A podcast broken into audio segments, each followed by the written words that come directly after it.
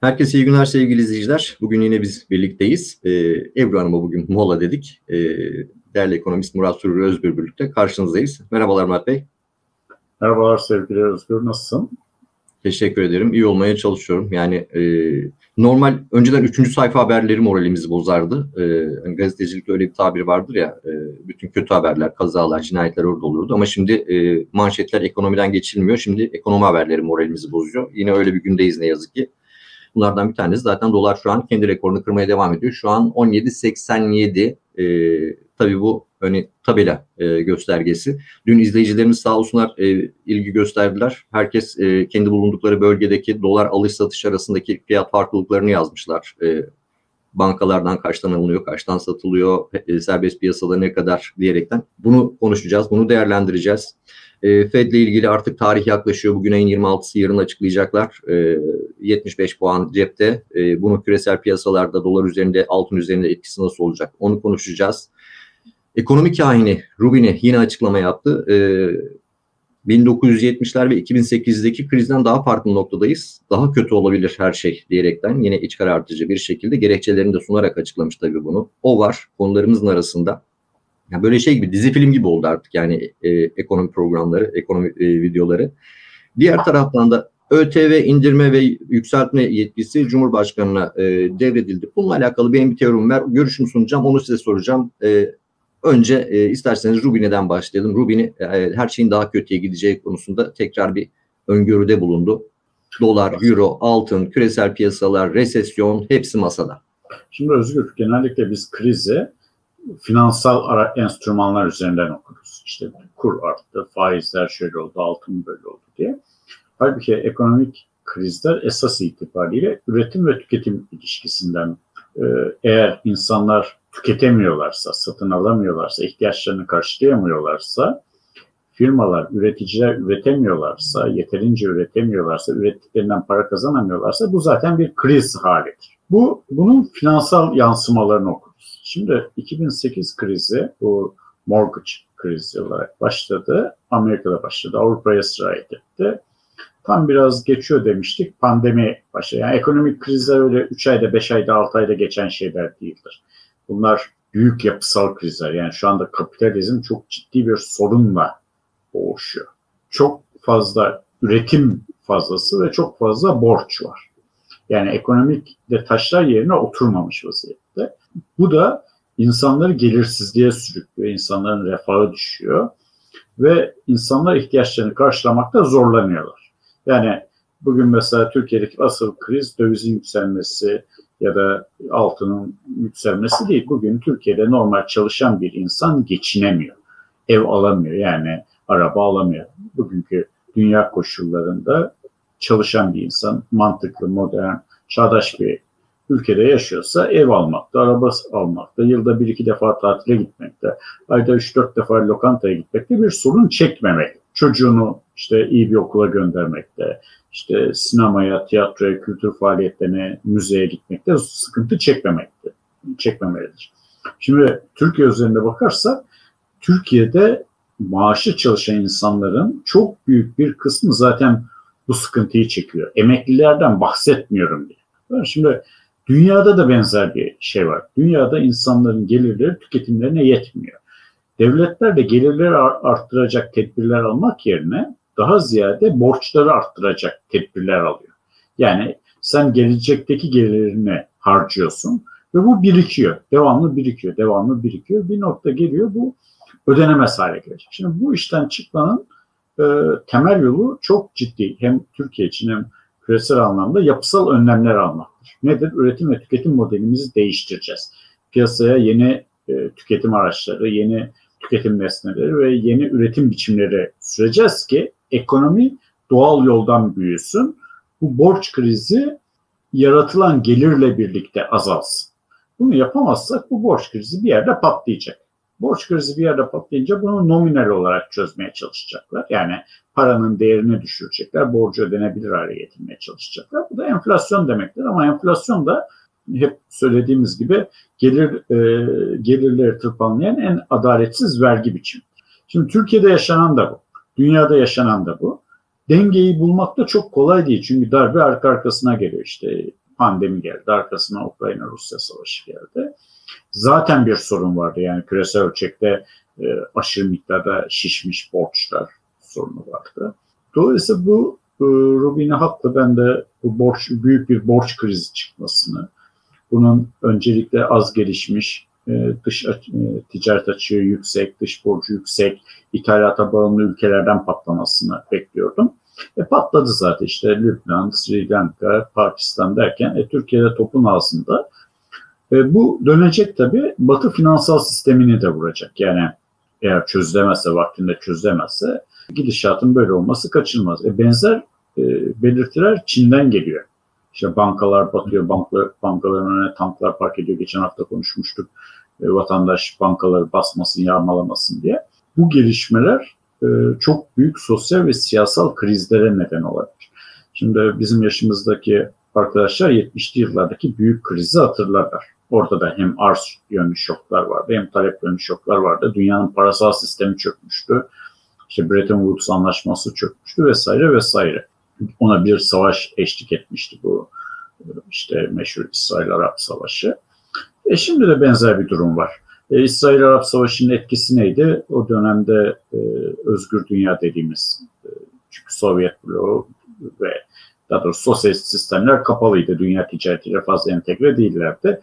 Dünyanın enerji gereksinimini büyük ölçüde e, Araplar karşılıyordu. E, bu işte meşhur İsrail-Arap Savaşı patlayınca dünyanın enerji tedariğinde sıkıntılar çıktı, arz ürünü sıkıntılar çıktı. Ortalık alt üst oldu ve bugün de çok benzer şartları yaşıyoruz. O yüzden ben Rubin'i hak. Yani küresel ölçekte 70'li yıllardaki gibi büyük bir kriz dalgası yaşayacağız. Evet. Türkiye 70'li yıllarda kriz dalgasında işte petrol ithal edememişti, birçok sanayi imkasını, aramallarını falan ithal edememişti. Yokluklar dönemiydi. Yani hep Erdoğan diyor ya işte yağ yoktu, tüp yoktu diye. Niye yoktu? Bu yüzden yoktu. Çünkü ithal edeceğin dövizin yoktu. Şimdi Türkiye buraya sürükleniyor. Yani bu sefer söylediğimiz kriz böyle döviz borsalarına, e, döviz e, bürolarının tabelalarına bakıp da efendim işte kur şu olmuş, kur bu olmuş krizi değil. Bu seferki kriz e, işte paramız olsa bile arabaya koyacak mazot bulamayabiliriz. Paramız olsa bile alacak ilaç bulamayabiliriz arabamızın yedek parçasını ithal edip tamir ettiremeyebiliriz. Bırakın araba ithal etmek. Yani bu kadar sert bir kriz olasılığı var. Umarım yanılıyorumdur. Ee, ama Rubini'nin öngörülerinin Türkiye'ye yansıması böyle olur. Dolar e, açılışta da söylediğim gibi bugün herhalde 18'i zorlamak için e, bayağı bir uğraşıyor. 17.86 şu anda. E, siz yayından önce de söylediniz. Bankadaki e, şeyler farklı. E, isterseniz o bankadaki şu an sınırın hangi şeyde olduğunu hatırlatalım. Bakalım e, bugünkü kur değişkenliği izleyicilerimiz bu videoyu izlerken ki nasıl olacak? Onlar da zaten yorumlarına yazıyorlar sağ olsunlar. Yani iyi oluyor. Biz de Türkiye'nin çeşitli yerlerinden hem e, farklı bankalardan hem e, farklı döviz büfelerinden hem de farklı illerden bu kur döviz alım satım arasındaki makası ve fiyatlarını görüyoruz. E, Türkiye'de fiili olarak döviz yok. Çok kısıtlı. O yüzden de e, alım satım makası çok açık. Yani neredeyse ucuza almaya ve satmamaya çalışıyor herkes. Evet. Şimdi benim şöyle bir teorim var. E, bu ÖTV 3 katına kadar yükseltme ve sıfırlama e, hakkı e, Cumhurbaşkanı Erdoğan'a verildi. E, resmi gazetede yayınlandı. Benim teorim bu şekilde. Siz nasıl yorumlarsınız? Sizin görüşünüzü merak ediyorum. E, bizim ülkemizde yatırım aracı olarak genelde e, döviz, altın, ev, tarla. Hani araba ne kadar yatırım aracıdır ona bir şey diyemem. Ben katılmıyorum araç e, araba almanın yatırım aracı olduğunu ama bu da tercihler arasındadır. E, kolay alınıp kolay satılabilecek olan e, araçlar tercih edilir e, vesaire. Hani e, seçim öncesi herhangi bir dönemde sonuçta bir döviz ihtiyacımız var ve bunun rakamları da belli. Yastık altındaki doları bir araca, sıfır araçlara çekmek yani bu fiyatlar bir daha bu kadar düşmez demek için belli bir süreliğine ya da kalıcı olarak otomobildeki ÖTV sıfırlanırsa yastık altındaki dolarlar arabaya sıfır arabaya kayar mı ve bunun dolara etkisi nasıl olur? Şimdi e, yastık altındaki dolarlar yani herkesin gözü orada hükümetin e, yastık altındaki döviz ve altında. Şimdi bunlar sıfır arabaya kayar mı? Bir kısmı kayabilir ama çok etkili bir kısmı kaymaz. Ama kaymazsa bir şey fark ettirmez Özgür. Yani araba da döviz. Yani Türkiye'de araba üretilmiyor. Türkiye'de üretilen arabalar vatandaşın satın almayı tercih ettiği binek arabaları değil. Ki üretilenlerin de parçalarının büyük bir kısmı zaten ithal. Yani ben çok etkili olacağını düşünmüyorum. Bu işler böyle kolay değildir. Şimdi bir para niye yastık altında duruyor? Onu sorgulamak lazım. Yani bir paranın yastık altında durmasının iki tane sebebi vardır. Ya bankacılık sistemine güvenmiyordur veya sadece güven değil bizim insanımız e, banka sistemiyle özellikle muhafazakar camiye banka sistemiyle çalışmak istemiyor. Yani öyle işte kar payı marpayı işlerine de güvenmiyor. E, parası erimesin diye bunu altında ve dövizde park ediyor. Bu bir. İki, bankacılık sistemine güvenmiyor. Ben paramı bankaya yatırırsam devlet el koyacak eninde sonunda diyor. Bu da çok büyük bir iki. Bankacılık sistemine ve devlete güvenmiyor. Üç, Türkiye'de çok e, yüksek miktarda bir kayıt dışı e, ekonomi var. Kayıt dışı gelirlerini bankaya yatıramıyorsun. Kayıt dışı satışları da bankadan yapamıyorsun.